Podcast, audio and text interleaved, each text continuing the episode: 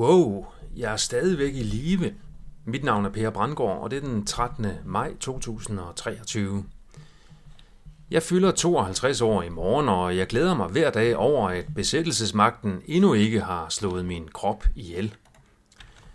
I morgen den 14. maj 2023 er det lykkedes mig at holde min krop i live i hele 52 år. Det synes jeg selv er godt gået. Første dødstrussel kom, da jeg var 5-6 år gammel. Jeg sagde til en jævnaldrende pige, at hun skulle sige det til nogen, at en mand misbrugte hende seksuelt. Det gjorde hun, og så blev manden og hans venner sure på mig. For at true mig til ikke at sladre til politiet om, hvad han og hans venner også havde gjort mod mig, så truede de med at slå mig ihjel og begrave mig i en lokal grusgrav. Jeg var derfor skræmt for livet og tav som døden, da politiet kom og afhørte mig. Næste dødstrussel kom, da jeg var 13-14 år gammel. En lidt ældre veninde og jeg ville sige det til nogen, at en gruppe voksne havde udsat os for seksuelle overgreb gennem en årrække.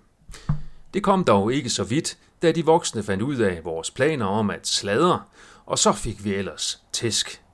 Det omfattede blandt andet en episode, hvor jeg blev kvalt med en pude af to mænd, indtil jeg holdt op med at prøve på at trække vejret.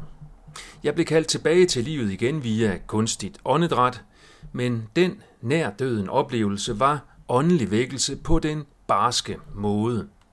Jeg så lyset, men blev bragt tilbage til mørket. I 2016 kom jeg på ny i kontakt med mit behov for at sige det til nogen.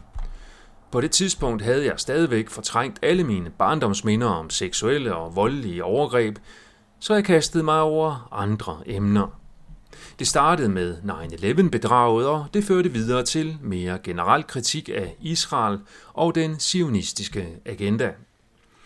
Denne aktive sigende til nogen førte så til, at jeg blev udsat for et karaktermord via en falsk voldtægtsanmeldelse fra en kvinde tilknyttet en ekstremistisk sionistisk sekt, og hendes netværk, der blandt andet omfatter en af de mest fremtrædende fortalere for den officielle fortælling om 9-11.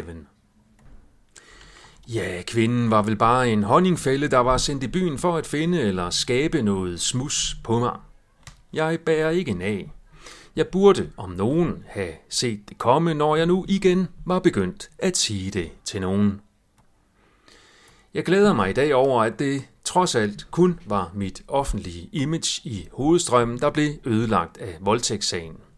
Selvom jeg blev frifundet for alle anklager med dommerstemmerne 6-0 i Østre Landsret, så lykkedes det hovedstrømspressen at svine mit navn så grundigt til, at der stadigvæk i dag ikke er nogen virksomheder i hovedstrømmen, der tør samarbejde med mig om noget som helst.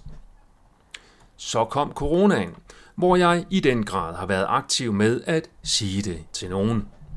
Det er jeg stadigvæk, og jeg tager ofte mig selv i at føle glæde og taknemmelighed over, at besættelsesmagten endnu ikke har likvideret mig.